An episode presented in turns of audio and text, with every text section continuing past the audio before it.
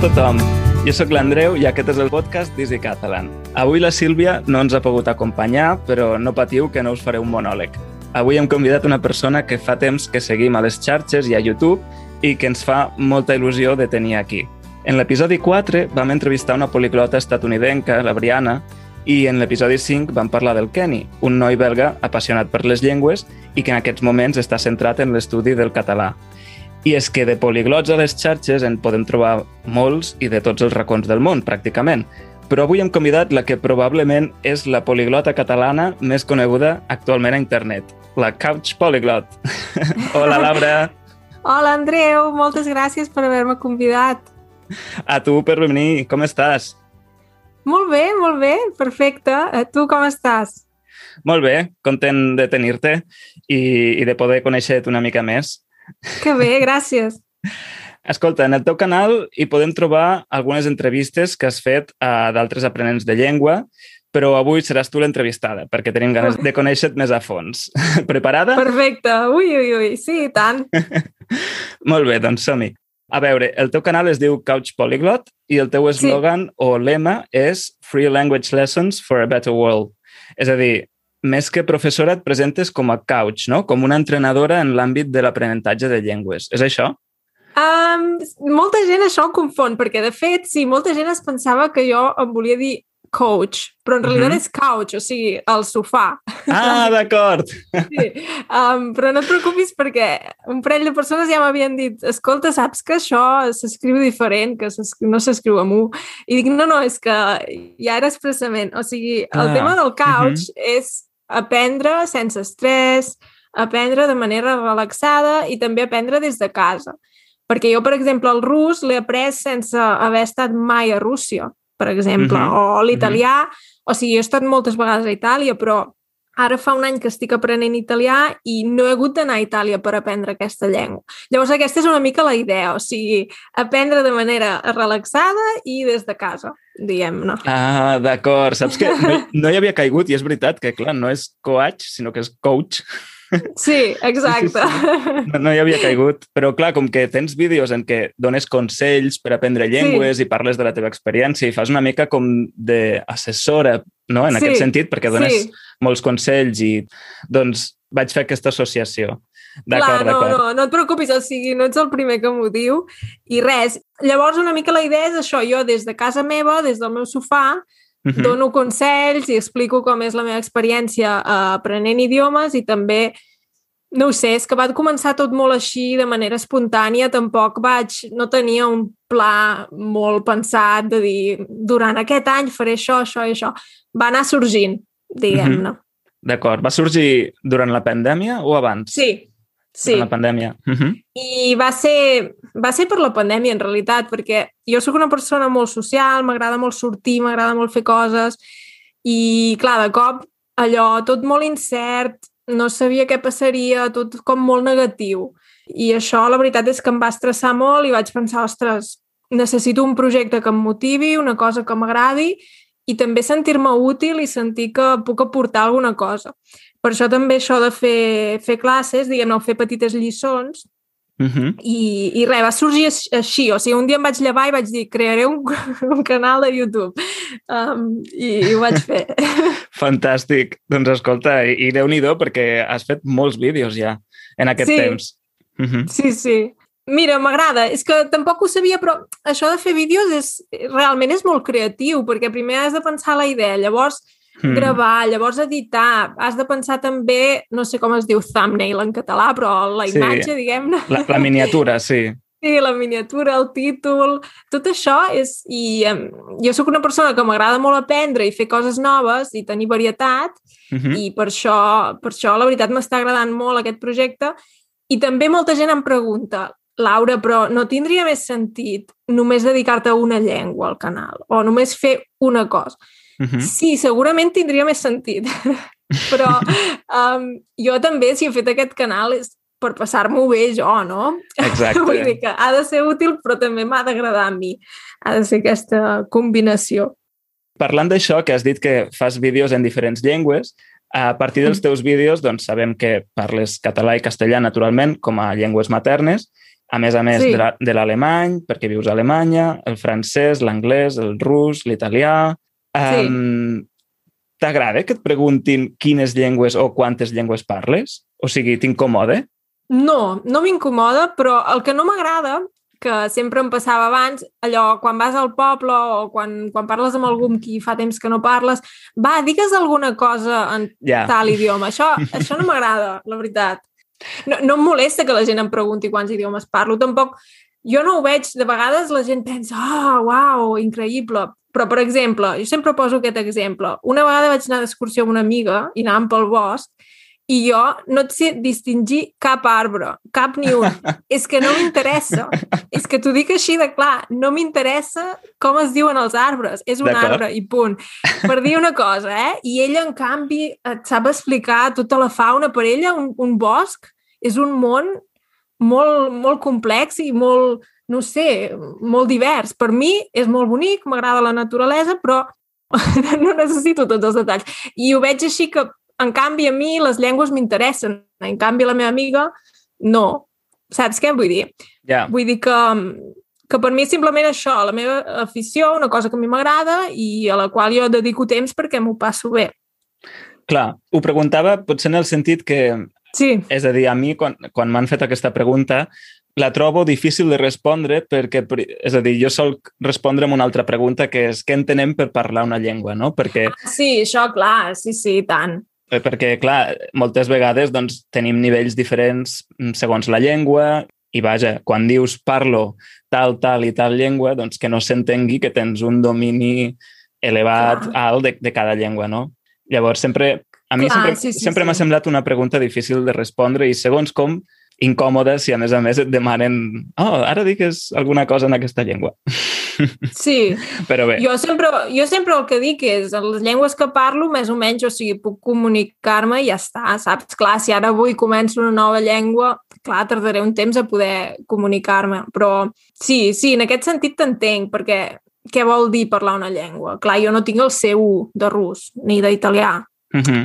vull dir, clar, però vaja, puc mantenir una conversa. Llavors, per mi això és parlar. I també, eh, en aquest sentit, això de couch polyglot, per dir, ei, tranquil·litzem-nos, no, no som tots filòlegs, vull dir, no, no Exacte. cal. Vull dir, per mi la finalitat és, és parlar i, i ten, poder mantenir una conversa amb la gent, vull dir que no cal aquest, aquest perfeccionisme de dir-ho tot perfecte i no sé, exacte. Bé, més endavant entrarem en aquest tema del perfeccionisme, però ara que has esmentat el rus, uh, Laura, я тоже имею говорить по-русски. Нет, так и что? Да, я, а я люблю твой канал, особенно все видео, в которых ты л- говоришь по-русски. Ух ты! Ну я это не знала. Какой сюрприз. Da, da, da. Bé, però més val que continuem parlant en, Sí. en català, perquè això no és Easy Russian, sinó Easy Catalan. Sí. Només volia treure a passejar el meu rus un momentet. I, I bé, la qüestió és que l'episodi d'avui està patrocinat per italki, una plataforma que funciona com a punt de trobada entre aprenents i professors de llengües.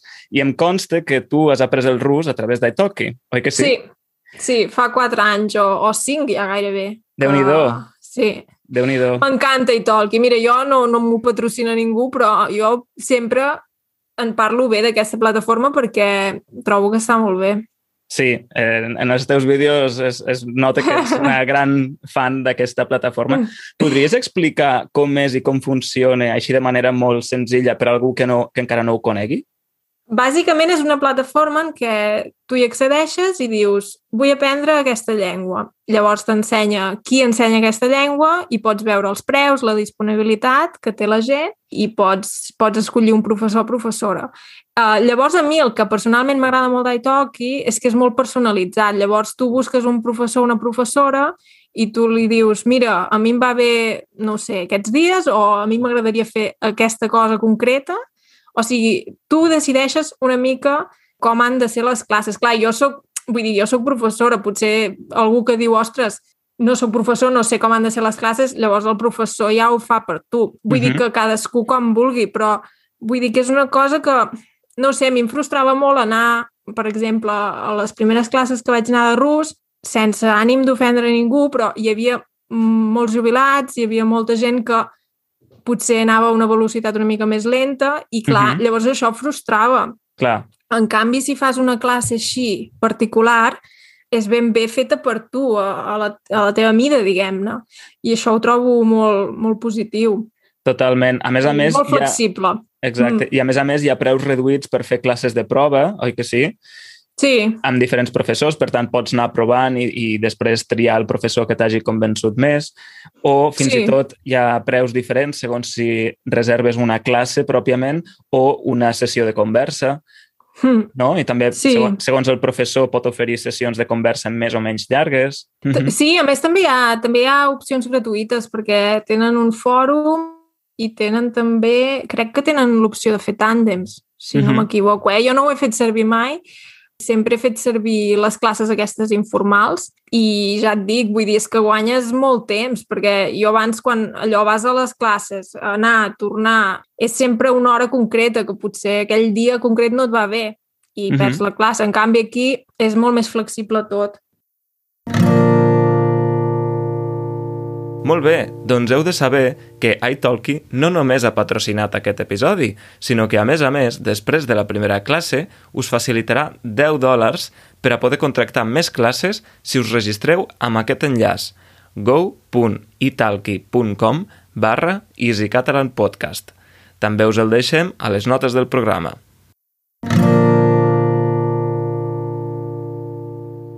I tornant a les llengües que parles, Laura, Hmm. Um, hem comentat que tu vius a Alemanya des de fa uns anys i Sí.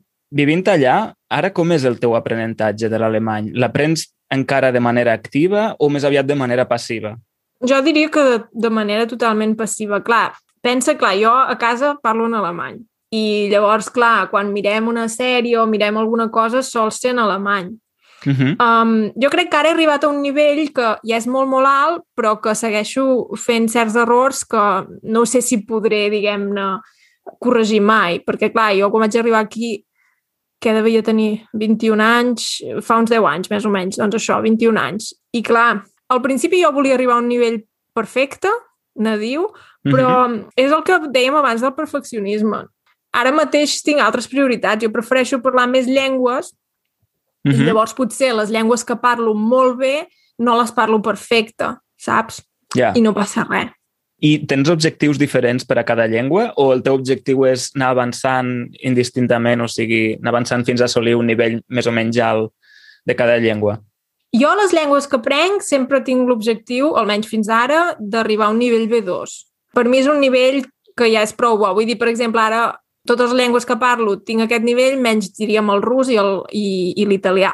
Uh -huh. Llavors, el meu objectiu seria arribar al B2 d'aquestes dues llengües. El que passa que sempre tinc, sempre tinc ganes d'aprendre noves llengües. Llavors, aquest és una mica el problema.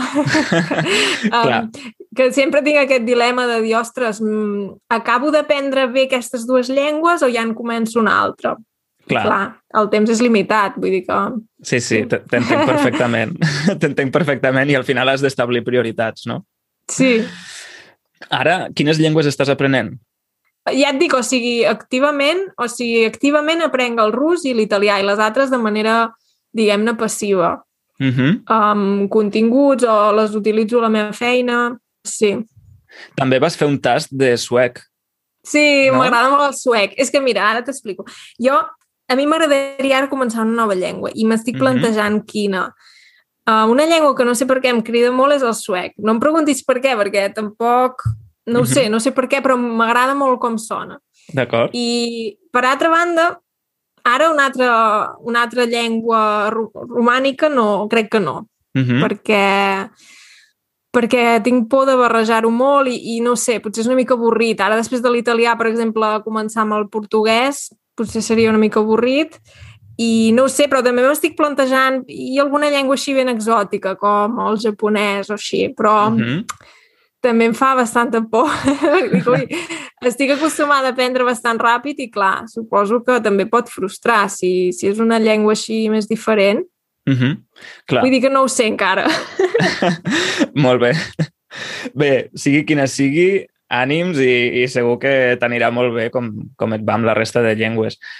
Però una cosa que he vist jo en els teus vídeos, pel que expliques, és que sols prioritzar l'habilitat d'expressió oral no?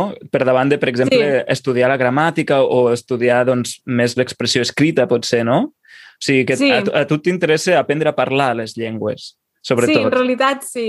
Uh -huh. um, Sí, el que passa és que, clar, depèn molt de la llengua, perquè, per exemple, el rus, al principi sí que vaig haver d'aprendre molt la gramàtica, de, de fer molts exercicis d'aquests pesats, però a mi aquests exercicis no m'agraden, vull dir que jo els faig perquè els he de fer, no?, en certes llengües. Però, en canvi, si tens una llengua com l'italià o el portuguès, no cal, perquè l'estructura és tan similar que no cal realment estudiar activament la gramàtica, ja l'estudies indirectament quan escoltes, saps? Uh -huh. Vull dir que, clar, depèn sempre de la llengua, però jo sempre que puc uh, aprenc amb, amb materials audiovisuals. I aleshores, com resumiries la teva filosofia a l'hora d'aprendre una llengua? um, jo penso que és molt important passar-s'ho bé i, i crec que és mm, moltes vegades quan, quan les meves amigues em diuen ai, Laura, és que no me'n surto amb l'anglès, és que el mètode que, que han triat és molt avorrit. Vull dir, clar, mm, uh -huh. bueno, depèn, no? Vull dir que cadascú té les seves preferències, però clar, jo trobo que el que més s'ha de prioritzar és que t'agradi com estàs aprenent. O sigui, mirar que sigui una cosa divertida, perquè així ja automàticament en tens ganes i, i continues. I clar això és el punt número 1, t'ha d'agradar. Llavors, el punt número 2, la constància, això de, de, de dedicar-hi temps cada dia. Jo penso que és molt important això, doncs jo a l'italià hi dedico 10 minuts al dia. És uh -huh. la mhm. regla que m'he autoimposat i la segueixo. Però vull dir que 10 minuts al dia sempre els tens.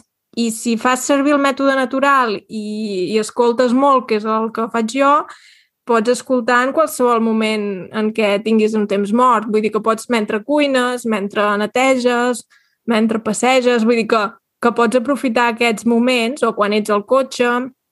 Vull dir que realment jo crec que aquest és una mica l'error de certes persones que pensen no, no, és que si no hi dedico 20 min eh, dues hores al dia no serveix, saps? Clar. Uh -huh. O sigui, sí fer-ho de manera regular, però que tampoc cada voler dir dues hores al dia, amb 10 minuts, mira, ja, ja aprens una mica cada dia.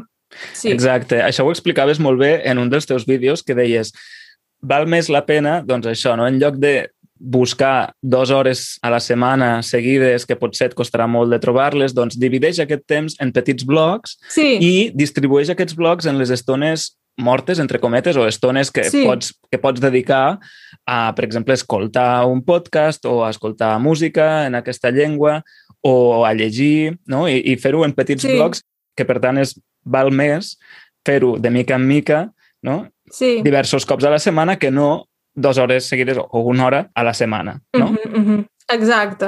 Sí, llavors serien, jo crec que aquestes dues coses, ara, ara estava pensant i dic, ai, què més? doncs això, passar-s'ho bé, potser això, no estressar-se pels errors Uh -huh. i, i la constància d'anar-ho sí. fent, no? Sí, Vull sí. Dir, sí. I després hi ha un altre tema que ja l'hem esmentat abans, no? i és un dels consells que dones, que és el, el de no caure en la trampa del perfeccionisme i sí. de, evitar la mentalitat del o tot o res, no? Com si no o puc... tot o res, és que aquest és el problema, sí. Uh -huh, de, si no puc arribar a un nivell nadiu, doncs més val deixar-ho estar. I, eh, clar, aquest no és, el, no és la mentalitat que cal, que cal tenir, no? Això ho vaig llegir no sé quin llibre, que sempre pensem que podem aprendre, potser, no sé, les persones pensen, mira, en un mes segur que puc aprendre molt. Llavors, clar, és una decepció perquè veuen, ostres, ha passat un mes i mira, tampoc sé dir gaire gran cosa. Uh -huh. En canvi, no pensen què passaria si uh, estigués ara dos anys aprenent el català. O sigui, voler-ho tot molt immediat, voler-ho tot ara i, Exacte. i ara mateix i, i ja. I clar, llavors aquest és el problema. Uh -huh. Per això també el que va molt bé és posar-se petits objectius. O sigui, pots dir, mira, d'aquí un mes vull poder saludar i dir el meu nom. Són petits objectius, saps? O poder-me presentar en un xat. Ai, no sé, una, és una petita cosa, és un petit objectiu, però mira, ja és... Però clar, la gent diu, no, és que jo d'aquí tres mesos vull parlar català. Home, mm, és una mica difícil. Depèn de quant de temps tinguis i tot, però clar, Clar, és una cosa que també vas comentar en un vídeo que vas fer a partir d'un llibre que vas llegir, no? que deia no busquis resultats, eh, busca un sistema. no? Sí. Més que aspirar a un resultat de manera com immediata, perquè no, això no passarà, Sí. busca un sistema que et plagui, que t'estigui bé, que el puguis assumir i, ja, i els resultats ja vindran, no? Sí, sí, sí, totalment. I també el problema de comparar-se amb altres. Jo ho veig Mhm. molt mm, a la, a la comuni comunitat de, de poliglotes, eh, passa molt que la gent es compara molt, ah, mira, jo en parlo 20, jo en parlo 30. Mira, doncs, cadascú té la seva situació particular i cadascú ha d'anar fent a la seva. Vull dir, hi ha gent que aprèn més ràpid que altra i no passa res. Vull dir que sempre penso que t'has de comparar amb tu mateix. Vull Mhm. dir, dir, mira, uh, doncs el rus no el parlo tan bé com no sé qui, però en canvi, comparat al meu rus d'ara i de fa tres mesos, he millorat. Clar. Saps què et vull dir? És més constructiu i menys tòxic. Vull dir que jo sempre ho recomano, això. També, a vegades sempre ho dic, perquè la gent diu ah, l'italià l'has après molt ràpid. Home, és que ja parlava uh, francès, català i castellà, vull dir, Clar, i, i és la meva uh, setena llengua, vull dir que és lògic que l'aprengui més ràpid que no, no sé, un americà que és la primera llengua que aprèn, saps? clar, clar, Vull dir, És clar. normalíssim. Sí, sí. En canvi, si em poso jo a aprendre el japonès, aprendré molt més lentament que una persona que parla, per exemple, xinès, perquè tenen molt vocabulari en comú, etc. Saps què et vull dir? Clar, aquí hi ha el tema aquest de quan... És a dir, moltes vegades eh, entre família o amics que potser no estan tan relacionats amb el món de les llengües i, i diuen, oh, i quina és la llengua més difícil? I dius, bé, és que no... Les llengües per si mateixes no són difícils, no? sinó que depèn, depèn de la teva llengua de partida, de la distància Sí. que hi hagi entre la llengua que aprens i, i la teva, no? Vull dir que, Sí, que, sí. que hi ha una certa relativitat en això. I que tots els nens del món, els infants, aprenen la llengua a la mateixa velocitat. Per tant, no és que n'hi hagi Sí. una de més difícil, no? Mm -hmm. Eh, una pregunta que et volia fer és, potser no t'ha passat mai, però què fas si de cop l'aprenentatge d'una llengua deixa de ser divertit? Com, com Mm. revertir aquesta situació? Això em va passar quan vaig fer l'experiment aquell que deies abans, d'aprendre, de començar dues noves llengües al mateix temps, el Mhm. suec i el portuguès, i em vaig estressar, la veritat. O sigui, jo ja sabia que era un experiment i ja està, no passa res, però és que és aquest el problema, que la gent jo crec que es planteja fer massa de cop Uh -huh. i llavors es cremen Clar. i ho deixen. Llavors jo sempre recomanaria fer un pas enrere i dir, ei, per què em sento així? O a mi això m'ha passat amb YouTube també, ara alguns dies que tenia això, l'estrès de dir, ostres, he de penjar un vídeo. Doncs dir, Laura, doncs millor pengen un menys, aquest, aquesta setmana en penges un només, no passa res, Uh -huh. i ja, vull dir, perquè clar, tota la idea, de, per exemple, del canal o d'aprendre un idioma és passar-s'ho bé. Si notes que, que no t'ho estàs passant bé, potser és que ara mateix a la teva vida hi ha coses que, que t'estan estressant o potser és que vas massa atabalat, no ho sé, fes un pas enrere i, i observa, ho digues, per què em sento així?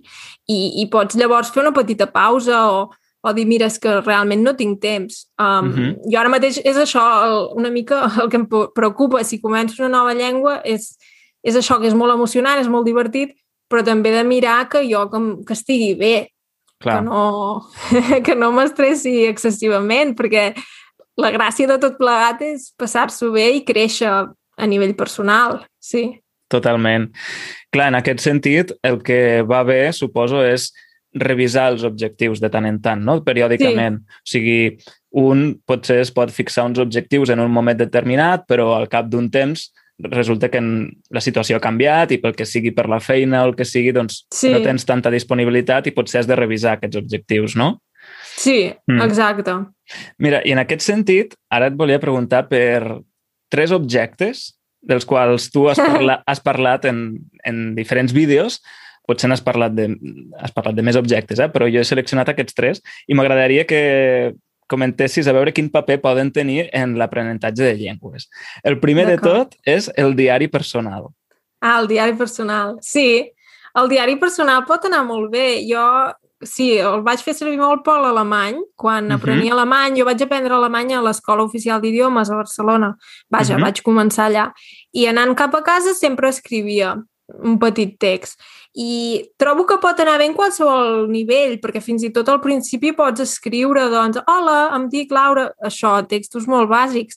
I trobo que pot anar bé perquè si agafes això, un hàbit, i va bé, perquè, clar, o sigui, va molt bé escoltar i, i parlar i tot això, però, clar, per exemple, si escoltes, és tot molt passiu.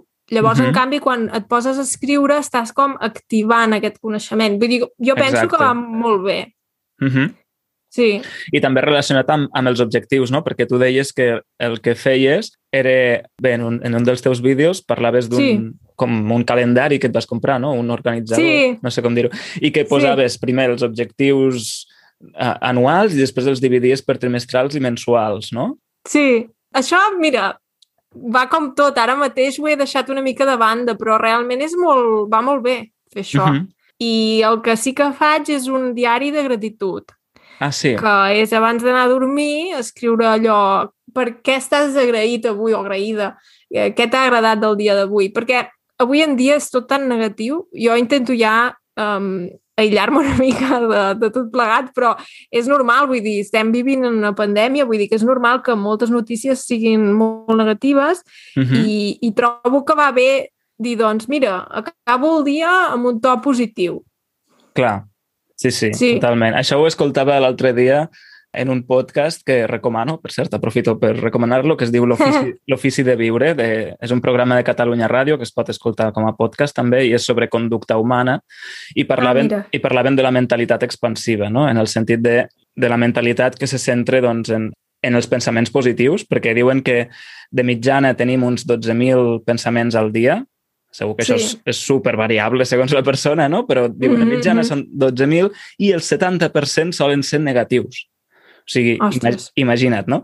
Però per la neuroplasticitat, no? doncs si entrenem el cervell perquè eh, l'atenció es focalitzi en els pensaments negat eh, perdó, en els positius, doncs la Mhm. tendència de la mentalitat serà reduir aquest percentatge de pensaments negatius, no? I, Mhm, i mhm. posaven com a pràctica molt útil en aquest sentit això mateix que fas tu, el diari de, de gratitud. Sí, sí, Molt sí. bé. A, ve- a vegades hi ha dies que dius, "Pf, què hi poso? Però mira, com ja tens això l'hàbit, doncs ho fas. Clar. Bé, el segon objecte eh, del qual volia parlar és el mòbil. Quin paper pot tenir o, o no ha de tenir el mòbil en l'aprenentatge? Um, jo trobo llengües. que, que pot anar bé el mòbil si el canvies l'idioma del mòbil, per exemple, Mhm. perquè el mòbil, el, no ho sé, clar, depèn de cada persona, però molta gent el fa servir bastant a diari. Llavors, ja tens almenys alguna, algun contacte amb la llengua i també, clar, hi ha moltes aplicacions. Jo, a mi personalment, Duolingo m'agrada, és una que he fet servir bastant. No Mhm. serveix exclusivament per aprendre idiomes, però sí que pot anar bé, mira, tens un temps mort, Uh -huh. pots practicar una mica amb, amb una app o, o així. O sigui, que et pot ajudar a fer servir aquests blocs de 10-15 Sí. minuts de què parlàvem abans, no? Sí, De poder omplir el teu dia a dia amb petits moments de- d'aprenentatge o de pràctica, sí. no? o escoltar un podcast, també ho pots fer amb el mòbil. Si, Clar. per exemple, ets al metro, Uh -huh. També parlaves per això del mòbil com a objecte que cal evitar segons quan, no? um, ostres, mira, ara ja ni me'n recordo, això devia ser un dels vídeos del principi, però sí, clar, en general pot ser una distracció, clar. Pots dir, mira, doncs el poso en modalitat d'avió o el que sigui, perquè pot ser una distracció. Imagina't que estàs, uh, estàs estudiant i va sonant el mòbil, clar. Sí, em sembla que ho deies en un vídeo en què parlaves de la concentració, de si, per exemple, volem posar-nos a, a estudiar més a fons, no? dedicar-hi Sí. dedicar una estona més llarga, més pausada, doncs que, clar, el mòbil és... és Una font de distracció. Una font de distracció brutal, exacte. El que passa és que també pots, pots girar-ho i dir, mira, les coses que em miro per distreure'm, les miro sempre en l'idioma que estic aprenent. Uh -huh. I per dir alguna cosa, doncs, si estàs aprenent català, dius, mira, ara les estones que, que vull distreure'm, miro Polònia, per exemple, el programa de Polònia, que és molt difícil potser si, si estàs començant amb el català, vull dir, és només un exemple, però vull dir que a mi em passa això, jo eh, m'agrada molt jugar a videojo videojocs i ho faig en italià. Llavors Ah, mira. és com... um, aprofito, diguem-ne que són les dues coses. Aprenc un idioma, però al mateix temps uh, m'ho estic passant bé. Vull dir Ja. que, sí, sempre és relatiu, vull dir que pots dir... Clar, és que està molt bé. És la manera d'incorporar aquestes llengües en el teu dia a dia més enllà Sí. del que serien estones pròpiament d'estudi. No? Per exemple, Exacte. jo ara he fet, eh, des de fa un temps, que tinc una aplicació per a meditar i la, Ah, tinc, mira. la tinc configurada en alemany. Llavors, són sessions de meditació que les faig en alemany i, doncs, mira, ja és una manera, saps, d'incorporar l'alemany en el meu dia a dia. Mm -hmm, mm -hmm. Sí, sí, sí, perfecte. I tant. I fins i tot parlaves també en un vídeo d'utilitzar la procrastinació a favor teu. Sí, exacte. És que és això, la procrastinació. Pots dir, mira, doncs, els, els com es diu meme en català? Els memes, els memes. Els, els mems, sí, mems. Els memes. Ah, d'acord. Mira, com que fa 10 anys que ja visc fora, ja aquestes coses ja no les conec. Els memes, eh, doncs dir, mira, doncs miro una pàgina de memes en rus i uh Mhm. -huh. rius i la primera vegada que entens un acudit en rus és que et sents superbé, dius, uau, que, Clar, que guai, perquè dius, mira, estic entenent fins i tot humor, que això és, diguem-ne, que ja és més avançat, segons, Sí, sí. clar, depèn molt de l'expressió, però vull dir que això, dir, doncs, les coses estúpides les miro en un idioma, en un altre idioma, i així no és temps tan perdut, uh -huh. saps? exacte. Molt bé. I el tercer objecte és el llibre electrònic, l'e-book. Ah, sí, sí, el llibre electrònic, bé, el llibre electrònic va bé perquè pots buscar paraules al, al diccionari directament i perquè bàsicament tens una capacitat molt gran en el llibre electrònic, no, no ocupa espai, vull dir, pots endur no sé quants llibres i et queben tots en una petita bossa, vull dir que, que té aquest avantatge. El que passa que a mi també m'agrada molt tenir llibres físics, però, però clar, és més pràctic això del, del llibre electrònic. Clar, i a més a més que eh, té la funció del diccionari incorporat. Exacte. Uh -huh. Sí, i a més pots també subratllar frases que t'agraden. Uh I -huh. llavors es guarden automàticament i al final, de quan has acabat el llibre, pots baixar-te un PDF i pots baixar-te les frases que has subratllat, per exemple. Clar, que això està molt bé, perquè si mentre fas la lectura doncs vas seleccionant totes les paraules que desconeixies i Sí. amb la funció de traducció de diccionari les has pogut entendre i tal, després et descarregues aquest fitxer i tens tot el vocabulari nou que has après amb aquest llibre, no? Vull dir Sí, que està, clar, està clar. superbé. I, I a més a més és una manera també de no obrir el mòbil per obrir l'aplicació del diccionari i després distreure't mirant el WhatsApp. llavors et distreus, és que és aquest el problema, sí, sí. Sí, sí. És que això passa, eh? Obres el, el Sí, sí. mòbil només pensant, ara miraré aquella, aquella paraula que vol dir en, en l'aplicació del diccionari sí. i ja està. Però alguna cosa passa i de cop estàs al WhatsApp. Ja t'hi perds. Al cap de mitja hora dius, què estava fent? Què estava buscant? Exacte. Sí, sí, sí. Sí, sí. Molt bé, entrem en el tema del català, perquè tu, és a dir, molts dels vídeos que fas són de, per ensenyar català. Sí, De fet, ja en tens més de 40, em penso, de vídeos Sí. per aprendre català, Sí, sí. amb temes tan diversos com frases bàsiques, eh, els dies de la setmana, els mesos, el menjar, el temps, els accents diacrítics, mm, usos del verb fer, la negació en català, dialectes del català... Eh, I després també tens algunes entrevistes a, a, a persones com l'Enric Botella, que és un creador Sí. de continguts, un noi portuguès que parla molt bé el català, sí. Bé, que fas vídeos molt variats i et volia preguntar, quin és el vídeo d'aquests que ha tingut més bona rebuda? Ui, ostres, això m'hauria d'haver preparat, eh?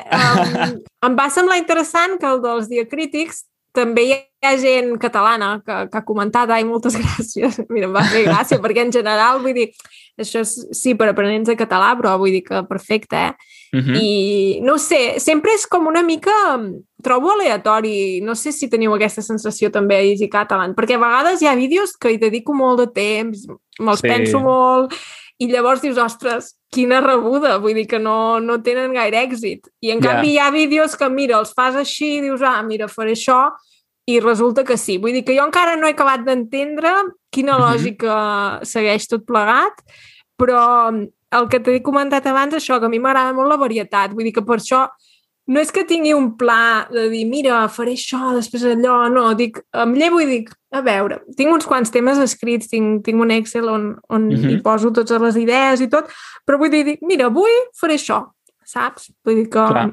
Molt bé. I, mm, clar, és que tu preguntava perquè, per exemple, a Easy Catalan els nostres seguidors ens demanen molt contingut gramatical. O sigui, troben a faltar, mhm. saps? Que els expliquem, per exemple, el subjuntiu o Ah, que- mira. que els expliquem l'accentuació, saps? Eh, Sí, llavors, no sé, Sí, sí. era per De vegades sí que és una mica temes que em pregunten, que, que em demanen que faci. Sí, Uh -huh. és veritat. Jo, com que a mi això de la gramàtica tampoc m'agrada gaire, Clar, són, són temes que em fan mandra de preparar-los, però llavors també intento fer-los de manera dinàmica, potser amb més imatges o... Sí, perquè Mhm. són temes això que podem, potser, em fan, potser em fan una mica de mandra. Però sí, per exemple, un vídeo que va agradar molt crec que és això de, del verb fer. Uh, Mhm. que era fer por, fer mandra, fer... tot això va, va agradar.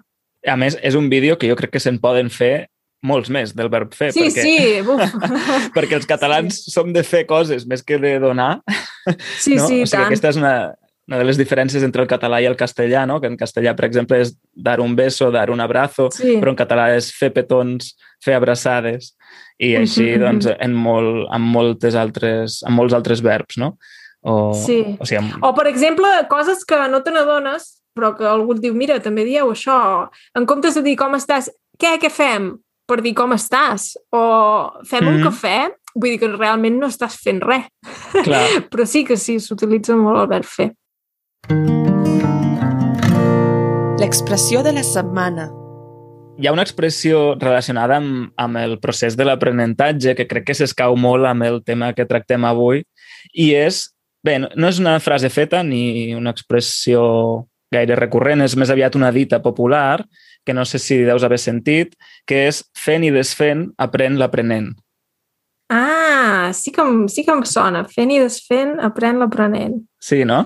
Que eh, ve a dir que l'aprenentatge no és una línia recta cap endavant i que de vegades són dos passos endavant i un endarrere. Sí, no? i que hi ha això, no? que no és una línia recta ascendent, sinó que pot haver-hi pauses, pot haver-hi retrocessos. Uh -huh, uh -huh. Però això també és, és que és ben cert, perquè també és com aprenen els nens, que diuen, per exemple, en comptes de dir s'ha mort, diuen s'ha morit. Saps Sí. què et vull dir? Perquè, perquè aprens fent errors i et corregeixen uh -huh. i així també aprenen els, els nens. Clar. Bé, en, en I aquest tant. cas, això del s'ha morit és molt interessant perquè eh, és un error molt recurrent en els infants i, i, clar, es deu al fet que ells busquen una lògica, no? O sigui, si clar, la, clar, o el cervell dedueix, la, dedueix com funciona la gramàtica i apliquen les regles a, a tots els verbs. I llavors, clar, hi ha verbs irregulars i això ho han d'aprendre um, fent l'error. Uh -huh. Exacte. Sí, Sí. I fent i desfent, aprèn aprenent. Sí, ai, mira, doncs és maca aquesta expressió. Parlant del verb fer, mira, és veritat, sí. Easy Catalan recomana. t'agradaria recomanar alguna cosa per als aprenents de català que ens escolten? Mm -hmm. Bé, primer de tot el meu canal, no, és broma. Això per descomptat, això Sí, ja, ja ho sí. recomanem nosaltres des d'aquí. Si Molt encara bé. no coneixeu el canal de la Laura, la Coach Polyglot, endavant. Mm, Sí, le- L'enllaçarem a les notes del programa i, i l'heu de veure sí o sí. Ah, molt bé. Um, doncs jo sempre parlo al meu canal del meu grup preferit, que és Manel. Um, Mm. Clar, no sé si és gaire adequat, si, si són principiants, perquè realment les lletres no són fàcils, però és que és un grup que a mi m'encanta, llavors jo el recomano. O coses que a mi m'agraden jo recomano, com per exemple Plats Bruts, que, que és una sèrie clàssica que podeu veure al YouTube directament. Uh -huh. I res, també el que es pot recomanar és TV3 a la carta. El que passa és que no sé si funciona a tots els països. Però TV3 a la carta, el que té de bo és que podeu escollir vosaltres el que vulgueu, o sigui, quin tipus de programes us interessen i n'hi ha per triar remenar, vull dir que...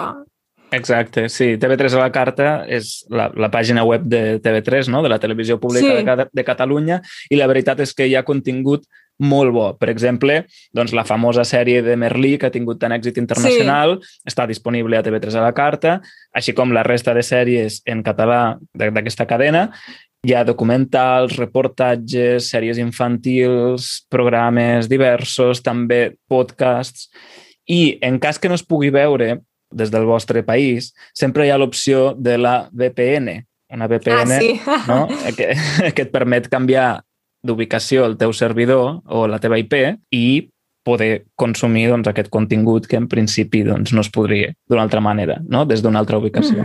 Sí, és veritat. Molt bé, i per últim, quin consell donaries? O sigui, quin és el teu consell de capçalera per a qualsevol persona que aprena una llengua estrangera?